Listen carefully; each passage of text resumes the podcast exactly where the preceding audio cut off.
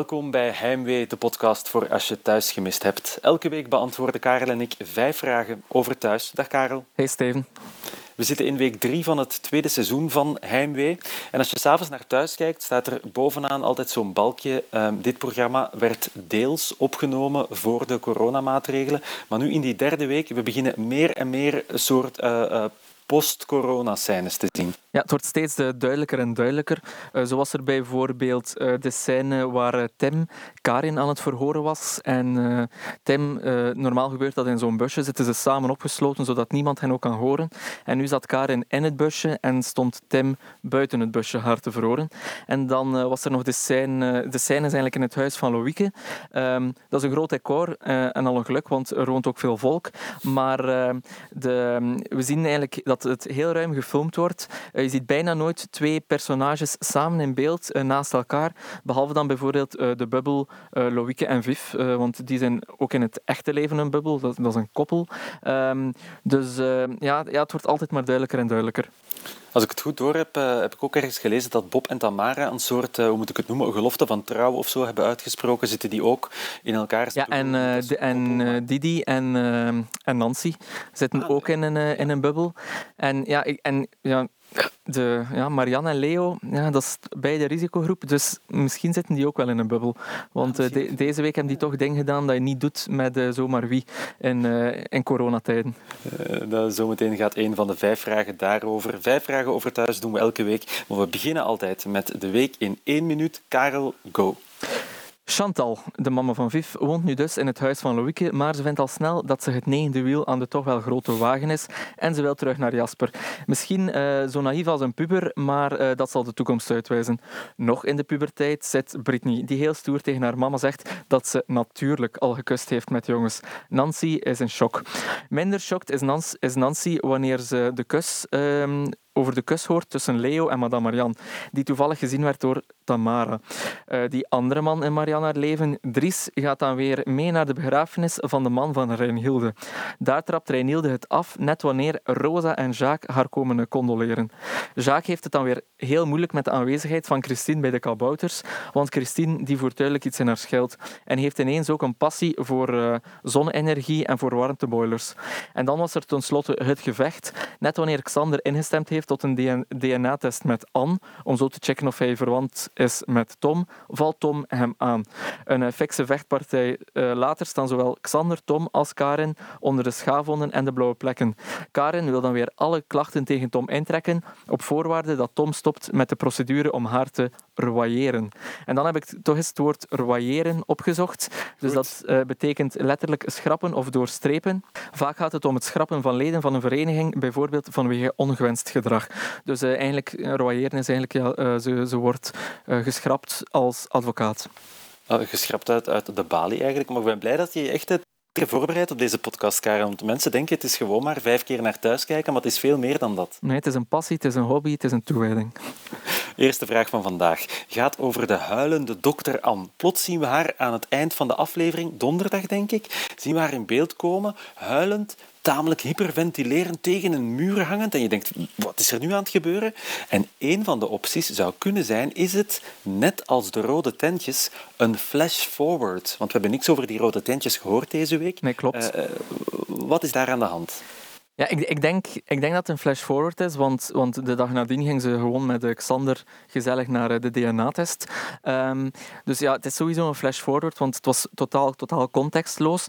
En ook op onze Instagram-account, uh, mij naar thuis, zijn er twee uh, pistes binnengekomen. Um, het Kader Gurbis fan-account, die trouwens iedere week al in deze podcast zit, proficiat daarvoor. zij, zij denken dat ehm, de hyperventileeractie van Anne is doordat ze de uitslag weet van de DNA-test ah, en die matcht. Vind ik, vind ik een goede een goede suggestie. Zeker. En dan het... Uh, uh, tweede suggestie die binnenkwam, kwam van VKPPN. Uh, zou het kunnen dat de rouwperiode om haar dochter alsnog langer oh. duurt dan een maand? dat, is, dat, dat, is een kleine steek naar, uh, naar de misschien minder realistische verhalen in een thuis, waar een rouwperiode net iets korter duurt dan in het echte leven. ik, ehm, wat is onze mening, Steven? ja, ik dacht inderdaad dat het toch meer iets zou te maken hebben met, met de, de historie Tom Tanja en dat ze dan toch iets meer zou weten. Maar ik had nog niet... Ik dacht van ja, er is zo net iets gebeurd en daarom is ze aan het huilen. En dat weten we dan in de mhm. aflevering van morgen wel. Dat bleek inderdaad niet zo te zijn. Dus vond ik die suggestie van een flash-forward wel, wel ja, heel valabel eigenlijk. Maar dat zou dan, als we het echt over die rode tentjes hebben, dan zou er dus iemand in die tentjes moeten liggen die zij kent, wat dan de hypothese van twee weken terug dat het Tom zou kunnen zijn, ja. uh, dat, dat zet dat wel kracht bij. Inderdaad, inderdaad. En ook de, de locatie was ook de dreef.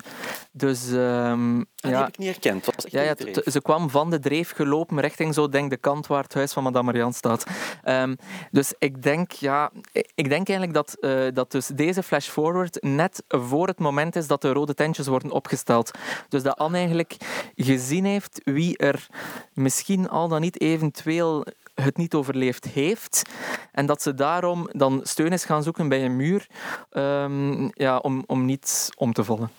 uh, waar we de afgelopen twee weken nog zoiets wat, boah, dat nieuwe seizoen, we weten het nog niet, maar denk ik dat we nu alleen al, hoe gepassioneerd we over een huilende uh-huh. dokter Anne praten, dat we kunnen zeggen dat we echt wel helemaal vertrokken zijn. Ik, ik, heb trouwens ook ergens gelezen in de pers, dus waar er geklaagd werd over oh, die eerste weken, blijkbaar wordt oktober echt een maand om uh, duimen en vingers van af te lekken. En dat is ook logisch, want natuurlijk, uh, we zijn voor, uh, vorig seizoen twee maanden verloren, dus oktober wordt eigenlijk de, de seizoensfinale maand van vorig jaar. Dus ik denk, we zitten halverwege september. Uh, we zijn er bijna. Voilà, dan uh, is vraag 2 misschien iets minder relevant naar het geheel. Uh, van, maar toch een goede vraag. toch een goede vraag. Waar heeft Chantal kookles gevolgd? Ja, dat was mij opgevallen, omdat dus in de, denk in de aflevering van maandag, nee, van vrijdag, um, Klopt. vraagt dus Chantal zit in de rolstoel en Sam komt langs en Chantal wil duidelijk beginnen koken. En ze vraagt eigenlijk aan, Anne, nee, aan Sam om enkele kruiden van het iets te hoge uh, schap te nemen. En die kruiden zijn peper en zout. Daar kan ik, heb ik totaal geen probleem mee. Maar dan nootmuskaat, Provençaalse kruiden en curry. Dus ik was volledig in de war van ja, welk gerecht kan je met die drie kruiden maken. Ik, ben, ik was er niet uit. Gelukkig wordt later in eh, de aflevering wordt het antwoord gegeven, want uh, Chantal heeft vegetarische lasagne gemaakt. Uh, de nootmuskaat, dat volg ik. Dat is voor de kaassaus. Dat is, lekker, ja, lekker. Het, is, het, zal, het zal geen vegan lasagne, gewoon vegetarisch. Hè, dan kaassaus mag. Lekker, ja. Provençaalse kruiden volg ik ook. Doe ik ook in mijn lasagne, want die zit in de tomatensaus. Maar waar doe je dan curry in? Heb je research gedaan? Heb je die drie uh, uh, ingrediënten samen in Google gegooid? Eerlijk, ja. En er kwam, geen, er kwam geen, geen recept van vegetarische lasagne uit. Uh, ook geen ander recept trouwens. Dus, ehm, maar kijk, Chantal ik weet al langer dat ze wat koekoe is, dus uh, ook als, uh, ook als kokin uh, heeft het niet altijd bij alle wijkt ze soms al eens af van de platgetreden paden, laten we het zo zeggen. Blij dat we ook zien dat Sam ook in, in de keuken, in het deel van het huis waar ze normaal niet komt, ook de kruiden weet staan. Of is dat ook haar keuken? Die hebben, hebben, die ook een eigen keuken? Nee, nee die hebben een eigen keuken, hè, daar waar Joren soms uh, staat te koken. Ah, dus uh, ja, nee, nee, ik denk, ja, dat is zo wat co-housing en alles is van iedereen en iedereen is van alles. Dus uh, ja, ik denk... De, onze derde vraag gaat ook in, in de sfeer van de immobiliën en de huizen. Want wanneer gaan Frank en Simon hun huis eens wat ecologischer inrichten? Dat is ook een vraag die was binnengekomen van, van Robbe, denk ik. Robbe ja, Schepens. Robbe Schepens stuurde die in. Ehm, dus wel goed opgemerkt van Robbe. Dus Frank, uh, er was een situatie dat Frank gewoon in zijn zetel zat te, uh, ja, de krant te lezen of televisie te kijken. En plots hoort hij...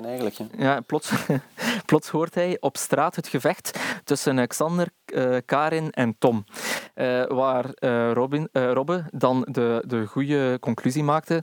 Ja, Frank zit duidelijk nog met enkel glas. Want met, ah. met ja, het dubbel, dubbel hoger rendementsglas van tegenwoordig, een ruzie 40 meter verder, zou je, tussen drie mensen zou je normaal gezien niet horen. Als het nu tussen twintig mensen zou zijn, zou ik voordeel van de twijfel geven. Maar nu, ja. Dus Frank en Simon, ja, zouden ze binnenkort ehm, een, kleine, een kleine renovatie doen aan hun huis? Ik weet het niet, maar het is wel duidelijk dat ze nog met enkel glas zitten. Ja, als ze willen verbouwen en ze willen het wat ecologisch doen, moeten ze even bij de kabouters langs gaan, want daar is Christine toch weer bezig met die zonnepanelen en, en heel dat, dat ecologische inzicht. Want er kwam ook een vraag daarover van, van Doreen van Hees binnen en dat zag je ook wel gebeuren. Wat, Mhm. wat was die spanning tussen Christine en Jacques? Je zag ze naar elkaar kijken, maar wat speelt er juist? Ja, dus eerst en vooral eh, dus op dat ecologische. Christine probeert zich om een of andere reden te moeien in, ehm, ja, in, de, in, in, in de zaak van, van eh, Adil, van de kabouters. Ze, ze wil dat in de plaats van toiletten te gaan ontstoppen, dat Adil eh, warmteboilers gaat installeren, wat echt een totaal andere branche is. Ik denk dat iedereen daar drie jaar eh, bijscholing voor zou moeten volgen. En dan, ze, ze praat daar wel regelmatig over tegen Adil. En dan Adil stelt dat ook eens voor aan Jacques. En Jacques denkt dan, ja, is dat jouw idee of is dat het idee van Christine? Want hij heeft al door dat, dat Christine hier en daar wel misschien een voor- eh, verborgen agenda heeft. Dus ja, er is een spanning en ik weet niet waarom. Eh, Iemand eh, eh, in een van de WhatsApp-groepen die ik heb over thuis werd geopperd. Eén van de hoeveel WhatsApp-groepen heb jij over thuis? Twee. Daar werd al geopperd, ja, Christine zal het volgende slachtoffer worden van Jacques. Ehm, ja, ik weet het niet wat dat er is. Ik was aan het wachten. eh, hoe lang gaat het duren voor eh, Christine en Jacques samen in een bed liggen? maar dat kan aan mij liggen, dat ik, zo, dat ik zo'n dingen denk. Dus Misschien- zijn dat jouw stiekeme wensen. Eh, Christine of Jacques, maar daar ga ik niet op antwoorden. nee, Vierde vraag in de podcast deze week. Is echt een vraag voor jou. Je moet uit het blote hoofd meteen antwoorden. Hoeveel mensen hebben het boek De wondere wereld der vakterminologie ondersteunende gids voor de gemotiveerde medewerker al gelezen? Eh, Over welk boek het gaat? eh, ja, ja, ik weet eh, dingen. Hè. Ehm, het boek dat Simon. Simon onder de neus Ja. kreeg van Bob, waar dan het woord mock-up uitgelegd staat waarschijnlijk. Of, dus ja, Ta- Tanja hè, waarschijnlijk, ja, inderdaad. Tanja, en dat is het. Hè? Ja. Dus het, het bedrijf begint met twee mensen. Mhm. Ze nemen dan een hoofd HR aan. Dat is dan Tanja, die over alle belangrijke personeelszaken gaat. We gaan er dus vanuit dat Bob toch die bundel heeft geschreven, want Louieke die kan zich zo lang niet concentreren.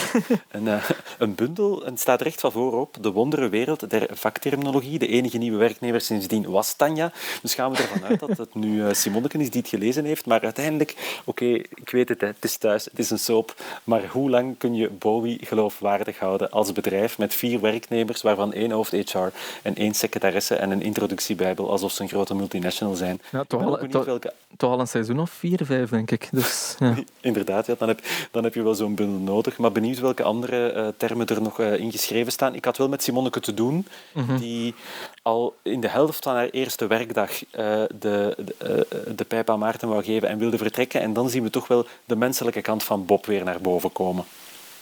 Ja, klopt. En ik, ik had eigenlijk gedacht dat Bob haar meteen buiten ging kegelen, maar dat is nog niet, dat is nog niet gebeurd. Dus op zich wel echt lief. Ehm, over lief gesproken, eh laatste vraag van de podcast gaat over Marianne en Leo. Zouden zij het huwelijk van dit seizoen worden? Ja, dat was een mooi moment hè, daar in de, in de zus en zo. Nee, in de, het is zo geweest. De Withoeven. de Withoeven. Ehm, ja, ik vond dat een heel romantisch moment. En ook, ja, ik denk, die twee... Het is ook... Ik heb eigenlijk een theorie. Ehm, net voor kerstmis van dit jaar vieren we 25 jaar thuis. En dat zal, eh, dat, je weet, daar zal een dubbele aflevering aan hangen, daar zal een moord aan hangen en daar zal een huwelijk aan hangen. Ehm, op zich, op dit moment is er niemand klaar om te trouwen. Iedereen die getrouwd moet zijn, is al getrouwd. Maar ze hebben wel een huwelijk nodig. Zo gaat dat in soap. Zonder huwelijk geen drama en zonder drama geen soap. Dus dan is de cirkel rond. Dus ehm, ja, ik denk, ik denk dat, dat misschien wel... Ja, ondertussen, ja, Ma- Marianne is, is de, de oervrouw van thuis. Ja, stel je nu voor dat zij na 25 jaar in het, huwelijk, in het huwelijksbootje Oh, treedt. Het zou prachtig zijn. Voilà, ik ben op zich al blij dat ze zo net weer iets prominenter in beeld komt. Zeker. Door, door dit soort plotwendingen. Eh, eh, Ze heeft een hele tijd echt goed de bitch kunnen uithangen toen ze echt nog in haar groothuis woonde. Maar ik ga echt blij zijn als we... ze Trouwens, eh, over Ja. corona-scènes gesproken. Er was ook een moment dat Tom aan het eh, zoomen was met Marianne. Uh, so nice. Dus ja, dat vind ik echt een heel originele ehm, uh, oplossing van de, van de makers om zo de oude mensen toch te betrekken in het verhaal. Want echt meer, meer 2020 wordt het niet. Met je, met je grootouders of met je ouders. En het was ook niet overdreven, want soms beginnen ze dan met daar dan nog zo wat grafische lagen over Nee, nee, het was echt, het was gewoon, het was, gewoon, het was gewoon zoom, zoom. Prachtig. Ja, mooi gedaan. Ja, normaal gaat de laatste vraag altijd over de cliffhanger van deze week, maar die vond ik zo wat minder. Het was zoiets met, met Anne en Tom weer. En, ja, en, denk. En, ja, en, en daar waaieren hè, daar van uh, de dinges van ja, Karin en Tom. Ja, ja ik denk... Oh, eerlijk, allee, ik denk dat we... Ik ga de aflevering afsluiten met een... Met een soort van bekentenis. Ik ben uh, het figuur Karin Baart echt beu. Ik, ja? het, is altijd, oh, het is altijd hetzelfde. Oh, uh, nu gaan we die koeioneren, die, nu gaan we die uh, een kloot aftrekken. Ik, vind, oh, ik ben het echt beu. Maar kijk, ehm, ik blijf kijken, want anders kan ik geen geheim mee maken. dat is waar. En ik wil nog één quote van, van Eddie toch even erbij halen, die aan het discussiëren was met, met, met Adil. Het ging over het feit dat Jacques dan binnen zijn werkuren huizen ging gaan verkopen. Mm -hmm. Dat dat dan mocht en dat daar niks van gezegd werd.